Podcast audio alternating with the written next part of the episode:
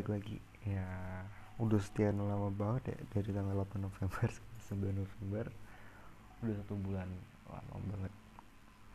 Dan baru bisa sekarang lagi bikin space selamat datang di muka space. Aku lupa opening jadi mohon maaf. Ya balik lagi dengan aku. Mocha di sini. Ah random aja aku pengen ngebahas sesuatu malam ini. Aku nggak tahu ini kalau misalnya mungkin dari teman-teman mungkin ada juga relate ya dengan dengan ceritanya aku ini.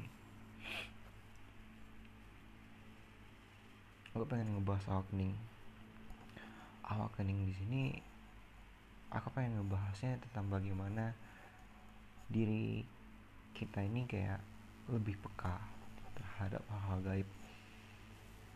Ya nggak hanya hal, hal gaib tapi spir, spir, spiritual spiritualis humanis dan juga kamu lebih lebih dekat dengan alam. Kamu lebih dekat dengan semesta dan kamu lebih paham bagaimana jalannya kehidupan. So di sini aku ingin ngebagiin sedikit cerita dari kehidupannya aku kalian boleh percaya atau enggak ya kalau misalnya percaya ya oke. Okay. it's okay. Kalau misalnya nggak percaya ya anggap aja ini hiburan dan ini cerita aku. Apa yang aku alamin dan ya inilah aku. Semuanya itu sebenarnya berawal dari aku masih kecil. Waktu itu SD. SD SD SMP lah. Mau naik SMP kelas 1 jadi SD kelas 6 ya kalau misalnya dibilang anak kecil gitu. Siapa sih anak kecil yang nggak nggak peka? Karena mereka aja nggak apa ya belum ada memikirkan hal-hal lain. Maksudnya belum terpikirkan dengan dunia. Kayak 24 jam kehidupan mereka itu hanya untuk main. Menghabiskan waktu dan untuk dirinya sendiri gitu. jadi belum ada mikir yang aneh-aneh ataupun mikir yang kayak what should I do gitu. Aku harus ngapain ya? gitu. Aku harus gimana cari duit dan gimana misalnya dan lain-lain. Itu masih belum terpikir sama anak kecil kan. Jadi beranjak dewasa seiringnya waktu aku naik kelas 1 di 1 SMP dan dari sini itu udah mulai berubah. Berubahnya kayak gini. Ada anak kecil itu yang waktu kecilnya itu peka. Namun seiringnya waktu di pekanya itu hilang gitu. Pekanya hilang dan berbaur dengan kehidupan normal dan ya menjadi manusia normal gak ada yang gimana gimana tapi kan ada beberapa anak juga yang memang dari kecilnya itu udah punya kemampuan. Semakin besar pun juga kemampuan itu semakin tajam gitu. menurut aku ini ada dua dua faktor. Pertama memang itu bakat dari lahir. Yang kedua bakatnya dari lahir dan juga diasah. Ada kok bakat dia memang punya bakat tapi nggak diasah gitu. Jadi uh, dia bakal kebuka biasanya ya yang punya bakat tapi nggak diasah sometimes gitu, suatu waktu itu pasti akan terbuka dan pasti akan kepakai bakat itu. Nggak mungkin nggak. Karena apa yang aku temuin dari teman-teman aku cerita teman-temannya aku ya kamu bakal ngerasain itu. Kamu bakal ngeliat dan kamu bakal apa ya merasakan lah pokoknya bakatnya itu gitu. dan ada anak-anak yang bakat itu memang diasah dari kecil maksudnya juga dibimbing dari or oleh walinya ataupun orang tuanya gitu. jadi udahlah tajam makin tajam biasanya orang-orang seperti ini praktisi yang pure uh, bolt ya maksudnya bolt ini kayak turunan dari orang tuanya dan orang tuanya ini sengaja untuk menurunkan ilmunya kepada si anaknya. So bisa dibilang aku adalah anak dari tipe yang pertama. Aku berbakat tapi tidak aku tidak tidak mengasahnya. Dan orang tua orang tua aku pun enggan untuk mengasahnya. Sampai suatu waktu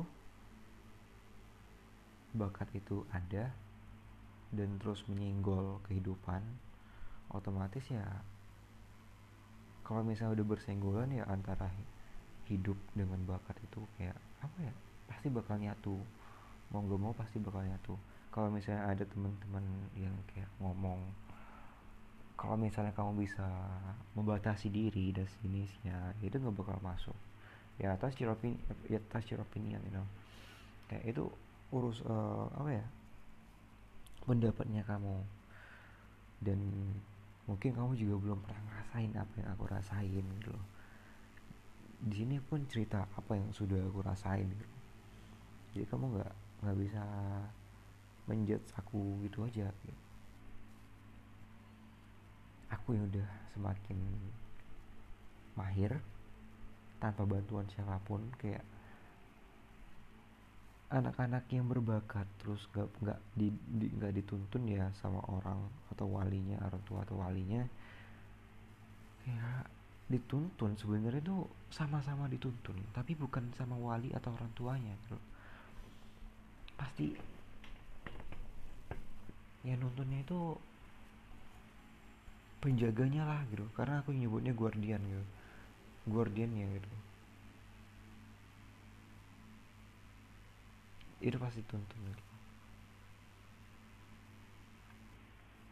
dan aku adalah salah satu anaknya. Gitu aku dituntun untuk ada di jalannya ini aku masuk SMP aktif. Aku anaknya aktif. Prestasi alhamdulillah dan juga olahraga pun ya oke okay, gitu. Terus ya normal ya kalau misalnya gangguan-gangguan kayak diganggu kayak ngerasain kelibetan atau suara-suara gitu. Ini tas normal gitu kalau misalnya anak-anak yang masih di tahap untuk masuk dia masuk ke dunia itu. Namun seiringnya waktu ada satu terbesit niat dari aku pribadi. Aku ingin masuk silat aku pengen masuk silat. Dan ya aku ketemu. Waktu itu mau naik kelas 1 SMA jadi rentang rentang jaraknya itu sekitar tiga tahun dari awal kening pertama aku. Kayak awal kening pertama tuh kayak masih ketok pintu lah tok tok tok gitu. Kayak masih ngeliat ngeliat ke dalam. Bisa nggak ya aku masuk gitu. terus mau mau naik SMA mau satu ke satu SMA aku masuk silat. Dari sana berubah. Dan tahu nggak? Niat untuk masuk silat udah tinggi banget gitu dari aku ya gitu karena aku pengen dan ya it's for me loh. Itu ini untuk aku ini untuk kayak skill aku untuk mempertahankan diri gitu kan. Ya why not gitu aku masuk silat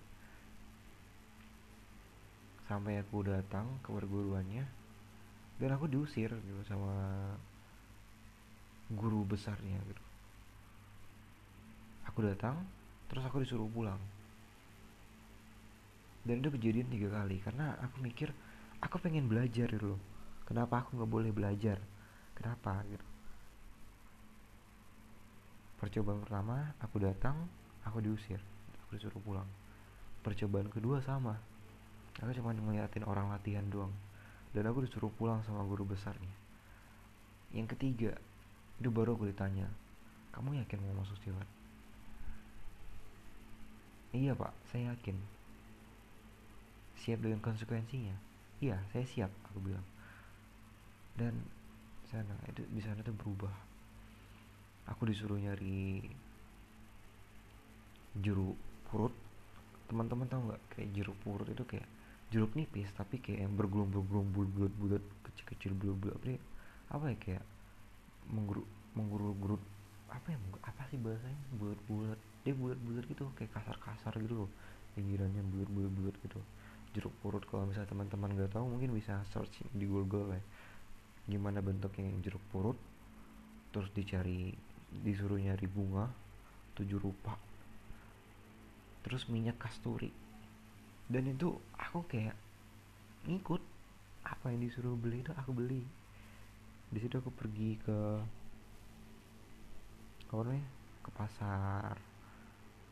Pasar gitu kan kayak pasar memang lengkap dengan bunga-bungaan dan sejenisnya udah aku bawa semuanya. Jeruk purut minyak kasturi bunga tujuh air gitu terus diracik dong sama guru besarnya sambil aku datang dengan membawa itu dia seneng gitu. Kayak ketawa-ketawa nggak berhenti kita kayak seneng. Kayak ya seolah bapak kayak nggak udah lama nggak ketemu dengan anaknya gitu. Seneng banget gitu loh dengan kehadiran aku dia ngelacik air bunga tujuh rupanya terus jeruk purutnya dibagi dua terus diperasin terus dimasukin setengahnya. Dan minyak kasturi minyak kasturi ini kayak minyak harum teman-teman. Minyak harum yang benar-benar harum banget. Itu di ditumpahin ke dalam airnya itu terus diaduk. Dan dia ngebacain doa. Dari situ dia ngebacain doa di airnya. Kemudian di air itu aku nggak disuruh mandi aku cuma disuruh untuk wudhu di sana aku cuma disuruh untuk wudhu aku wudhu dan seger. Air itu seger banget sumpah kayak. Kalau misal teman-teman muslim pernah nggak uh, wudhu dengan air zam-zam? Itu itu kerasa banget kan gimana segernya air zam-zam itu. Nah itu kayak 11-12 lah segarnya gitu. Padahal itu air biasa gitu tapi dengan dicampur-campur itu. Di sana aku ngerasain segernya kayak ada sesuatu di di tengah mata antara jidat itu tuh kayak kerasa sesuatu dingin gitu ya. Dan aku tuh paham itu mulai mulai pahamnya itu sekarang. Udah dua dua tiga tahun lah maksudnya itu kayak udah mau masuk kuliah itu aku baru paham. Itu dingin banget itu di antara dua mata terus di dekat jidat itu dingin rasanya. Di sana baru guru besarnya ngomong. Kalau misalnya ini nih silat keilmuan bukan silat yang kayak uh, himsi himpunan uh, himpunan silat Indonesia yang di mana himsinya ini kan uh, ya pure untuk self defense gitu loh pertahanan diri. Ini ini sil silat ini silat keilmuan. Dan di sini aku kan ngambilnya ngambil silat daerah Sumatera. Daerah Sumatera dan ini Sumatera Barat gitu aku ngambilnya silat lintau. Aku nyebut lintaunya aja jadi nggak aku sebutin terperinci apa nama silatnya tapi ini silat lintau silat ilmu. Dari sini aku paham. Aku nggak salah masuk. Ternyata aku dituntun. Setelah kejadian itu paginya aku demam. Empat hari berturut-turut aku demam panas. Dan sampai mama tuh khawatir sampai manggil guru besarnya dan sejenisnya cuman ya udah nggak nggak apa-apa bu dia juga ngomong ke mama nggak apa-apa bu. Fajar sehat kok. Dia gitu guru besarnya. Sampai didoain minum obat dan sejenisnya ya. Tapi panas. Ini panas panas banget kayak udah nggak sanggup banget rasanya aku pribadi. Sampai ya kalau misalnya orang-orang mah nganggap ngigau kali ya. Aku mimpi terus teriak gitu. Aku sebenarnya nggak mimpi. Aku tuh nggak tidur.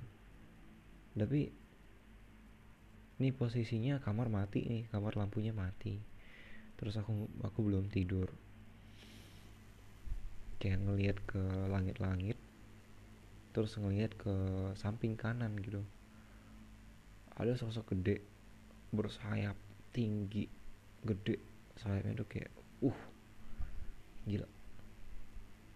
Hitam gitu nyeremin dari situ aku teriak. Aku teriak. Sampai mama di ruang keluarga itu kayak kenapa? gitu.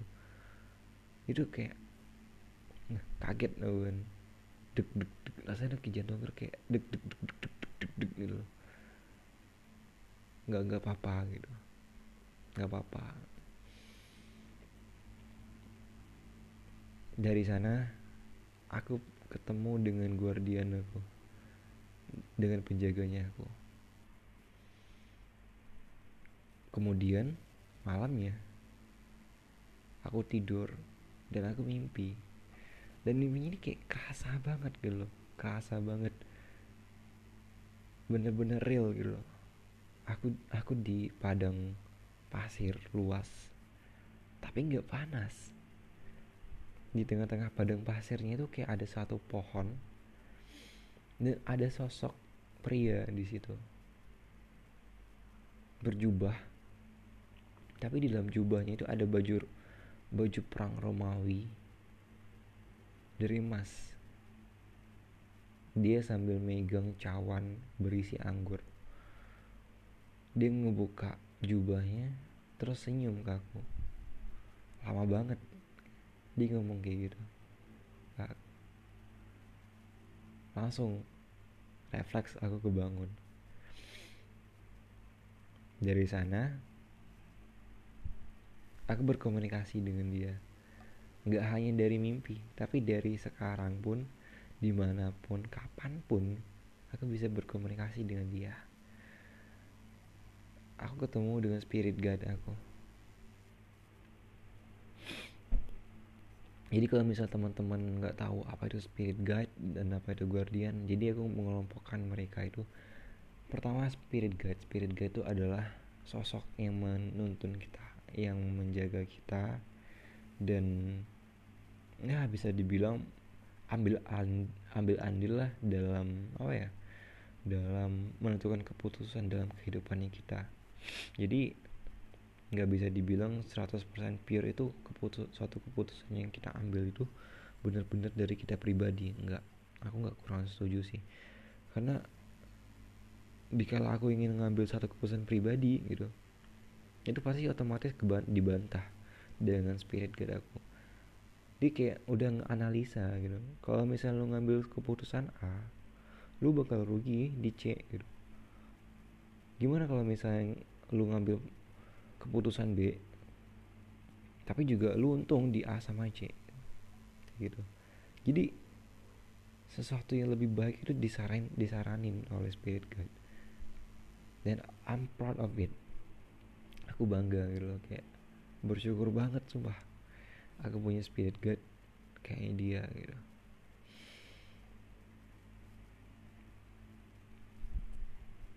Di sini juga aku bangga dan aku aku kerasa dari kecil ternyata ternyata aku aku dijagain. Bahkan demamnya aku kemarin itu ternyata aku dijagain. Dijagain oleh guardian aku. Sosok tinggi gede bersayap hitam dan nyeremin dia itu nggak jahat tapi dia ngejagain aku dari kecil ya. Kayak aku bangga gitu. Dari sana aku tahu masuknya aku di sini aku nggak salah. Dan ternyata mata ketiga aku dibuka. Pelan-pelan aku mulai tahu pelan-pelan aku mulai belajar. Pelan-pelan aku mulai mencari tahu siapa aku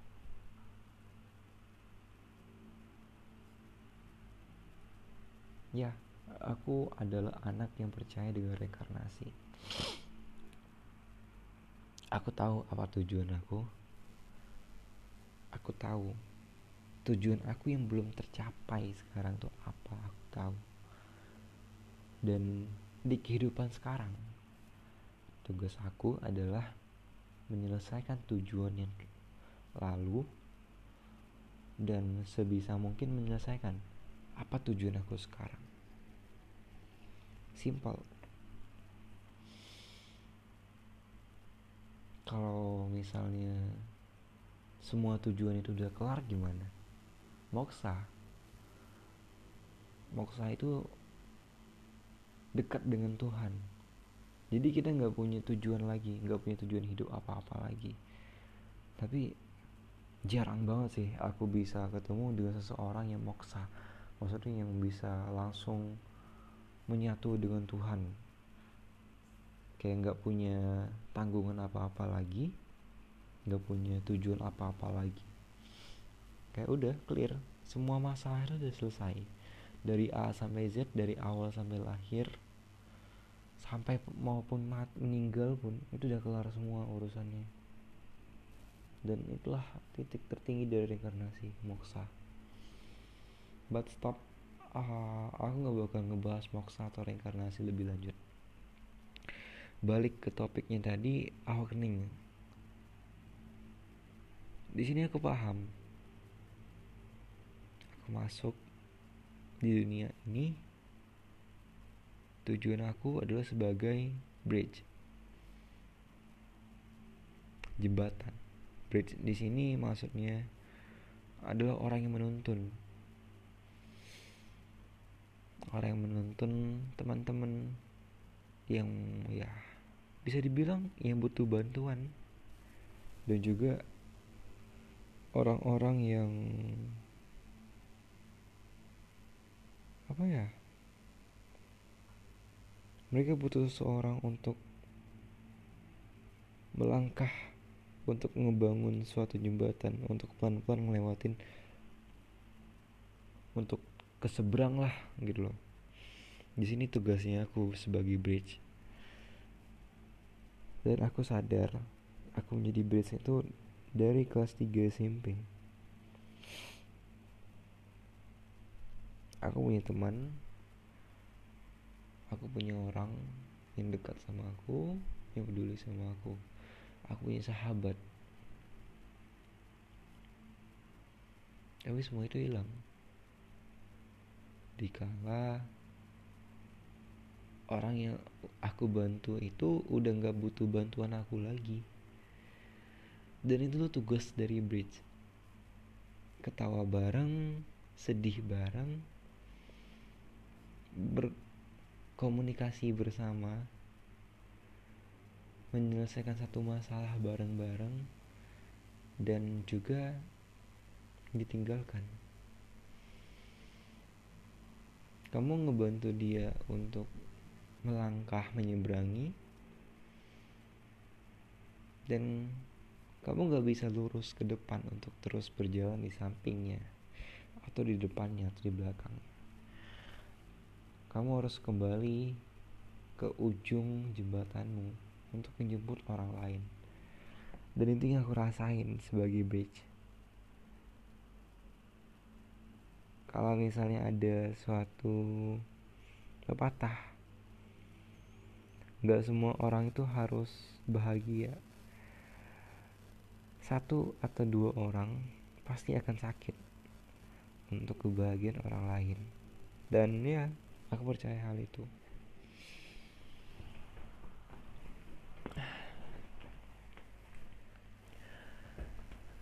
Sedih sumpah nangis pengen nangis rasanya. Ya bukan pengen nangis lagi sih. Nangis bener-bener nangis. Aku kalau nangis ya nangis gitu. Oke. Aku stop dulu awal kening aku di sini. Udah 25 menit. Jadi kita akan bakal lanjutin ke sesi selanjutnya nanti. So stay tune